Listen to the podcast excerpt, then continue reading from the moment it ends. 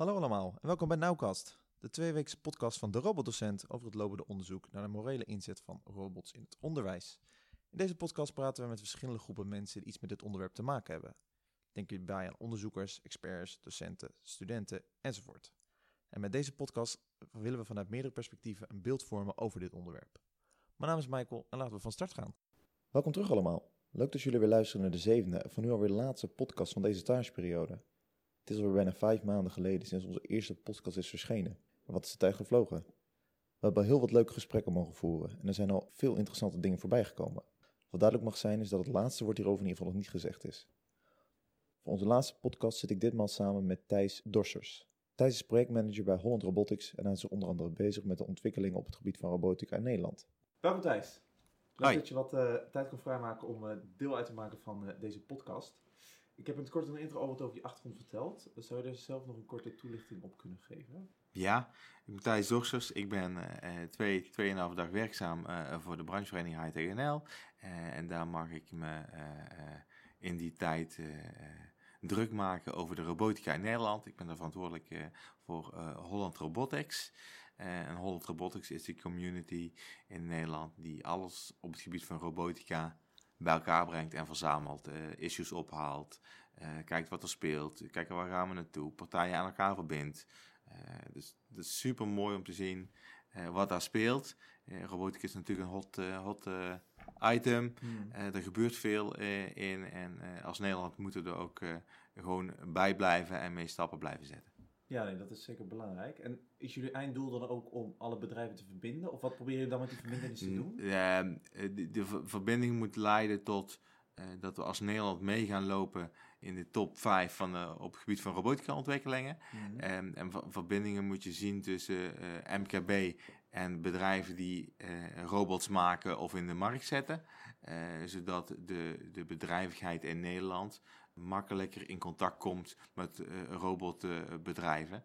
Eh, en zodat we in, zeg maar, in, in de breedte van Nederland meer robotica gaan, gaan krijgen. En meer robotica wordt ingezet, zodat het het werk voor veel mensen veel prettiger en, en, en fijner gaat worden. Waar mensen ontlast gaan worden door robots. En ze eh, ook niet gaan zien als een, als een bedreiging. Nee, robots- dat de drempel wat weggehaald. Ja, ja de, drempel weghalen, ja. ja. Oké, ah, top. Nou, leuk om te horen. Ben jij toevallig ook bekend met het onderzoek van Matthijs? Ja, ik heb zojuist eh, mogen deelnemen aan een, eh, aan een tafelsessie eh, over, over robots in de klas. Ik, ik heb zelf er ook regelmatig aandacht voor gevraagd. En ik, ik, ik vind dat robots in de klas belangrijk is. Ehm, en dat we daar al vroeg mee moeten beginnen. En daarom robots in de klas in, de, in het basisonderwijs. Ehm, niet om de robots in de klas te hebben, eh, maar het gaat voor mij er zeer om, meer om dat de kinderen eh, en dus de, de werkzame mens van de toekomst, eh, dat die al vroeg leren anders denken, leren denken in processen en in oplossingen. En niet dat ze leren programmeren, dat, dat is een, een voortvloeisel daaruit. Maar door ze eh, al vroeg daarmee te laten kennismaken en met de technieken en software die we hebben, kunnen ze op een, op een hele jonge le- leeftijd al leren werken met een robot en met, met software, hoe dat ze processen kunnen indelen. En vind jij de basisschool dan al de juiste plek om daarmee te beginnen? Of zeg je nou dat is misschien wel heel vroeg om te, nou, een Eh, kind van drie te laten programmeren? Ik zeg maar iets, dat is misschien Ik- ieder geval het proces. Ik, ik, eh, ik denk dat dat juist heel goed is om, om daar vroeg mee te beginnen. Want dan is de acceptatie eh, eh, is er, want ze zien het niet als bedreiging. Eh, met, met kinderen leren vrij, kunnen nog heel vrij denken. En hebben geen drempels. eh, eh, eh, eh, die kunnen nog buiten lij- lijntjes kleuren. En ik denk op het moment dat ze er al vroeg mee, mee beginnen, dat ze daarmee opgroeien. En dat ze daarna veel meer mogelijkheden mee zien. Eh, en, en later, als ze dan eh, eh, werkzaam zijn, daar ook profijt van kunnen hebben. En dat we daar dan als BV Nederland eh, ook weer profijt van hebben. Want die kinderen leren op een andere manier denken en werken. ja, het kan En later. het wordt hun eerste natuur doordat ze er al zo jong mee, mee bezig zijn. Ja, nee, dat kan ik wel zeker begrijpen. Dan kan je er een beetje jong mee beginnen dan later. Anders Ja. dan heb je vaak al die remmingen die erop zitten. Ja. Maar concreet wat jij dus, want wij houden ons dan bezig met het onderzoek met de inzet van die sociale robots hè, en de ethische kant daarvan. Mhm. Als je puur kijkt naar de ethiek, zie jij dan als ze een robot gaan gebruiken hè, voor het leren programmeren of die denkwijze aanleren, Zie jij dan nog zelf nadelen bij de inzet van deze dingen? Dat ze het toch anders gaan zien, bijvoorbeeld, hè, dan dat hij eigenlijk is? Want voor nu benoem je het als een programmeerobject. Mm -hmm. een bepaalde denkstijl aanleren. Zie jij ook nog een nadeel erbij? Nou ja, het is gewoon in, dat is in, in de breedte zoals waar het nu ook om gaat. Van, uh, is het ethisch verantwoord uh, met, met, met, met, wat ermee kan? Mm. Wat gaan die robots zien? Wat gaan ze opnemen? Wat gaan ze waarnemen? En hoe gaan we om met, met, met hetgeen wat daaruit komt? Uh, ik, ik, denk dat we daar wel slim mee moeten omgaan en dat daar wel regels voor moeten gaan, gaan komen en opgesteld moeten worden, zodat we daar niet uit de bocht vliegen. Um, dus dat is, wel nog een punt wat, wat aandacht nodig heeft, uh, maar wat ook niet makkelijk is.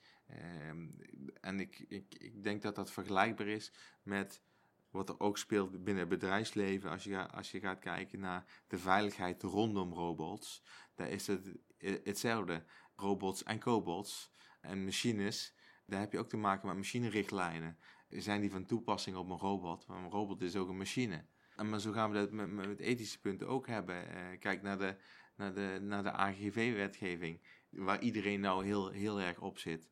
Als een robot dingen ziet, wat mag die dan wel teruggeven en wat niet? Ja, dat is toch een beetje een grijs gebied. Wat ja, dan, uh, en ik denk, ik, ik denk dat we daar niet te krampachtig mee moeten omgaan met z'n allen. We moeten het zien als kansen en uh, het zo ook aanvliegen. Hmm. Uh, en dat we moeten leren van wat er gebeurt en dat dan regels van maken of gewoontes. Hetzelfde speelt ook rondom de auto's, de elektrische auto's, die daar autonoom gaan rijden. Eh, daar zijn ook nog geen regels voor. Daar weten we ook nog niet hoe dat gaat. Uh, ja. Want hoe gaan die reageren? Dat is denk ik misschien ook een stukje proefondervindelijk daarmee omgaan. Kijk nu naar de dronewetgeving. De drones die komen, uh, iedereen kan een drone kopen. Uh, en nu zie je dat daar een wet en regelgeving voor komt. Je mag niet in bepaalde gebieden vliegen. Nee. Uh, dus dat komt wel op mate dat die ontwikkeling ook echt, echt wordt toegepast. En dat niet alleen de early adopters het gebruiken, maar dat Jan en allemaal het gaat gebruiken. Ja, dat begrijp ik wel. Maar zou dan, is het dan wel de beste manier om het bijvoorbeeld bij de kwetsbaarste doelgroep, om het zo maar te zeggen, in te zetten? Want als je het bijvoorbeeld bij ouderen zou doen, of bij middelbare scholieren, die wel wat meer Hè, die kunnen met die gevaren wat er misschien net voorkomen, ik zeg maar iets, ja. kunnen daar weer meer beter bij omgaan. En nu kijk, zie je eigenlijk dat ze het bij de kleinste doelgroep die we hebben neerzetten. En als ja. we dan achteraf gaan handelen. Ja, ik weet, ik weet niet of dat dat verschil gaat uitmaken. Ik denk bij die kleinere uh, zijn, zijn de ogen er meer op gericht dan bij, een, dan bij de ouderen. Want bij de kleinere kijken de ouders mee, kijken de docenten mee. De ouders zijn al mondiger dan jaren geleden. Dus daar zal veel kritischer meegekeken worden dan bij uh, zeg maar de bejaarden die in een verzorgingshuis zitten. Want daar zie je niet dat de kinderen nog bij hun ouders mee gaan kijken. En uh, juist doordat je dat bij de bij de, bij de jongste doet, zie je dat de ouders meekijken. Dus ik denk dat er veel meer ogen op gericht zijn. En waardoor je veel sneller daardoor een, een reactie daarop krijgt. Dat is wel een hele goede inderdaad. Ja, oké. En voor, want je benoemde net al wat mooie voordelen die de kinderen dan bijvoorbeeld zouden hebben met, bij de ontwikkeling. Mm-hmm. Welke voordelen zie je dan concreet, of welke meerwaarde zie je voor het bedrijfsleven, voor de industrie, als de kinderen op die manier dan ja, zo worden opgeleid? Ja, uh, voor, voor het bedrijfsleven, uh, uh, die heeft er niet direct profijt van. Maar de, de jaren daarna gaan we als, als BV Nederland aan het bedrijfsleven gaan er wel profijt van hebben. Want de maatschappij gaat heel snel door, de technologie gaat snel door.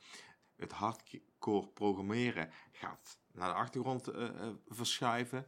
Dus je ziet dat we uh, ander soort functies gaan krijgen. En die kinderen die daar vroeg mee beginnen, die worden er al op voorgesorteerd. die zullen dat, die andere manier van denken, die andere manier van ja, programmeren wil ik het niet noemen, maar met name die andere manier van denken, dat procesdenken, daar zijn ze gewend. Dus die kunnen dadelijk veel makkelijker en veel uh, smoother daarmee omgaan. Hmm. Uh, en ze, het is niet helemaal nieuw, maar ze zijn ja, een beetje... ze zijn daarmee opgegroeid. Het is een eerste natuur, dus dat, die zullen daar in de toekomst dan gewoon heel goed mee kunnen werken. En dat is dan weer ten voordele van het bedrijfsleven. Zie je ook nog nadelen op dat gebied? Zowel bij bijvoorbeeld de inzet uh, van die robots of later? Kijk, uh, nu, op, nu op korte termijn het nadeel is, men moet ermee leren werken. Je hebt, je hebt kosten die je met zich meebrengt, want je moet spullen aanschaffen. Het is nu allemaal duur. En naarmate dat we meer gaan gebruiken, wordt het, zal het wel goedkoper worden. Dus ja, een nadeel is duur. mensen moeten ermee leren werken. Maar ik denk dat, dat die nadelen niet opwegen tegen de voordelen die we daar mee gaan hebben. En ze kunnen wel overwonnen worden, denk ik, die nadelen. Op een ja, moment, zeker. De prijs wordt waarschijnlijk weer minder. Met alle techniek is het zo dat een nieuwe is al duur. Maar als het dan wat langer is, dan uh, wordt het vaak wel je, je, zie, je ziet nu al dat robots zijn er natuurlijk al 30 jaar. Uh, de industriële robots. Hmm. Je ziet nu heel, de afgelopen jaren heel erg de cobots opkomen. De humanoid robots, die je dus in de klassen ziet, uh, die komen op. Je ziet verschillende Chinese en andere Aziatische merken al komen met humanoid robots die, die hier in Europa ingezet kunnen worden. Je ziet daar de prijzen van, van dalen. Mm. Uh, dus ja, dat, dat, dat gaat heel snel. Uh, en, en daar komen dus dan ook vanzelf dan de voordelen van. Ja. Zie jij zelf de robotbouwers of business zelfs bij de inzet van deze nieuwe robots, die sociale robots in de klasse, rekening houden met de ethische of er in ieder geval over nadenken? Of zie je dat dat eigenlijk gewoon een beetje nu nog want zo'n robot heeft bijvoorbeeld al een camera en een microfoon. Nu kan bijvoorbeeld de naam nog niks opnemen, maar straks mhm. wel. Wordt hier al op een of andere manier rekening mee gehouden? Denken ze er wel over na? Ik denk het niet. Ik denk dat ze met name nog bezig zijn met het, het, het ontwikkelen van lesmateriaal. Eh, en, hoe, en hoe krijgen we dat in de klas? Want de acceptatie en de bereidheid van het basisonderwijs eh, is nog laag. Eh, die vinden de kosten dan nog vaak te hoog om zo'n robot in te zetten. Of de docent weet er nog te weinig van en daardoor wordt het nog niet in, het onder, in het onderwijs opgenomen. Dus dat, dat stukje ethiek speelt bij de bedrijven die de robots wegzetten richting het onderwijs nog niet zozeer. Maar ik denk dat ze daar wel aan gaan denken naarmate dat ze het, de software verder gaan ontwikkelen, gaan ontwikkelen, dat ze ook beeldmateriaal en geluidsmateriaal gaan gebruiken. of de data die ze terugkrijgen van de kinderen geef je op, op een gegeven moment kom je op het punt, dan moet je wel, want je hebt het en ja. je wat... Geef, geef het nog twee tot drie jaar en dan gaat dat punt ook spelen. Oké, dus je vindt ook wel dat, dat ze er wel over na zouden moeten denken? Ja, en ik denk dat ze dat misschien al stiekem een beetje doen, maar ze zijn nog veel meer bezig met de, en focussen op van we moeten die tools en die apps en in de klas krijgen en mensen moeten ermee gaan werken. Want er, mm. er, er zijn nog te weinig scholen die er meewerken. Ja, oké kijk naar uh, het, uh, de start-up Robots in de Klas van, van Koen Hendriksen. Die zitten bij een, een twintigtal scholen, misschien basisscholen in, in, Nederland, waar ze de software wegzetten. En er is nog, nog zo'n initiatief. Nou, laat het 40, 50 basisonderwijsinstellingen in Nederland zijn. Dan dekken we Nederland nog niet mee. Dus daar is nog heel veel werk in de winkel om die basisscholen voorzien te krijgen van robots zodat we echt de robots in de klas hebben in het basisonderwijs. Ja, voor nu ligt de focus gewoon meer het eerste krijgen en het inzetten en daarna pas eigenlijk... ja. En hoe denk jij dan dat de ontwikkeling straks met die robots, als ze eenmaal in de klas staan, hè, en we zijn hard aan het werk en de meeste mensen hebben het geaccepteerd, scholen, hoe denk jij dat die ontwikkeling gaat lopen? Is dat, eh, worden ze straks zo slim als we in de films zien? Of uh, denk je dat het nog wel echt, dat eigenlijk wat er nou nu kan, dat dat blijft? Uh, nee, die gaat veel meer kunnen. Um, we hebben uh, als Holland Robotics uh, een position paper uh, geschreven twee jaar geleden. we zijn daar sessies op gaan doen, onderzoek met het veld, met het bedrijfsleven. En wat voor uitdagingen hebben we nu als BV Nederland, al, al, als Holland Robotics? Waar, waar gaat het naartoe? En de grote rode draad is dat we, er zijn heel veel robots, maar die robots zijn nog allemaal dom. Dat zijn, dat zijn plastic omhulsels om machines. En uh, mensen vinden het lief en aardig misschien. En ze denken, oh, dat is een mens. Hij kan denken en, en, en, en, acteren als een mens. Maar die robots die we op tv zien, in de kranten zien, die worden nog allemaal gecodeerd, geprogrammeerd. Die kunnen nog helemaal niks zelf. Uh, dat, dat, betekent dat als we willen dat die robots gaan acteren als mensen, dat we het stukje AI en machine learning, uh, dat moet doorontwikkeld worden. daar wordt nu ook op, op, op ingezet door bijvoorbeeld de nationale AI-cursus. Eh, van Jim uh, Stolz. Eh, dat vind ik een goed initiatief. En ik denk dat we daar als Nederland goed moeten beseffen dat, dat die apparaten nog allemaal dom zijn. En dat wij data moeten verzamelen en moeten zorgen voor kunstmatige intelligentie en voor de machine learning. Want dan gaan die robots slim worden. maar dan zijn we wel een, een jaar of vijf verder. Ja, dat duurt nog wel even voordat ze... Dat, dat duurt nog wel even voordat de robots in de klas intelligent zijn en zelfstandig kunnen handelen eh, en bijvoorbeeld zelfstandig een les kunnen geven. Nu worden die lessen nog allemaal geprogrammeerd. En zo is het in de, in de, met, de, met de zorgrobots ook. Die robots worden nog geprogrammeerd om de mensen te acteren. Stel je een vraag die niet geprogrammeerd is, krijg je ook geen antwoord. Maar over vijf jaar eh, zullen die robots slim kunnen zijn. En net zoals bijvoorbeeld een Siri eh, of een Google, eh, Google Home, die kunnen, die kunnen nu al zeg maar, een stukje kunstmatige, kunstmatige intelligentie zit er al in. Hmm. Eh, en je ziet als die partijen dat hebben, dan is de stap naar, naar andere partijen toe die gaat komen. ja, ja biedt wel komen- mooie mogelijkheden. Ja, dat biedt hele mooie mogelijkheden. Heb je eventueel zo nog eigen toevoegingen over dit hele onderwerp, als je nog kwijt wil? Of... Nou ja, ik, ik vind het mooi eh, dat wij nu in deze tijd leven en dat we dat mee mogen maken. Ja. Want het gaat gebeuren, we kunnen het niet tegenhouden. Gaat ook steeds sneller. Het gaat steeds sneller en ik vind het gewoon eh, iedere keer weer mooi als ik zie hoe, hoe dat mijn eigen kleine kinderen ermee omgaan. Eh, dat ze tegen de tv praten en zeggen: Google, zet de tv uit, Google, zet Netflix op. Dat- ze met een robot spelen. Ja, ik vind dat, ik vind dat mooi en ik kijk graag naar de toekomst, wat dat ons eh, gaat brengen. Top. En daarmee eh, wil ik hem beëindigen. Dankjewel. Nou. Gijs. Jij ook bedankt. Zoals benoemd in de intro is dit voor nu de laatste podcast. Ik wil u bedanken voor het luisteren en blijf vooral de website in de gaten houden voor de laatste updates rondom het onderzoek. Vond je dit nou een hele leuke podcast? Laat dan zeker een review achter en deel hem vooral. De podcast is te vinden op Soundcloud en op onze website derobotdocent.nl. En als je er dan toch bent, neem ook een kijkje in onze vlog voor een visuele update. Voor nu houdoe! Nu weet tot de volgende.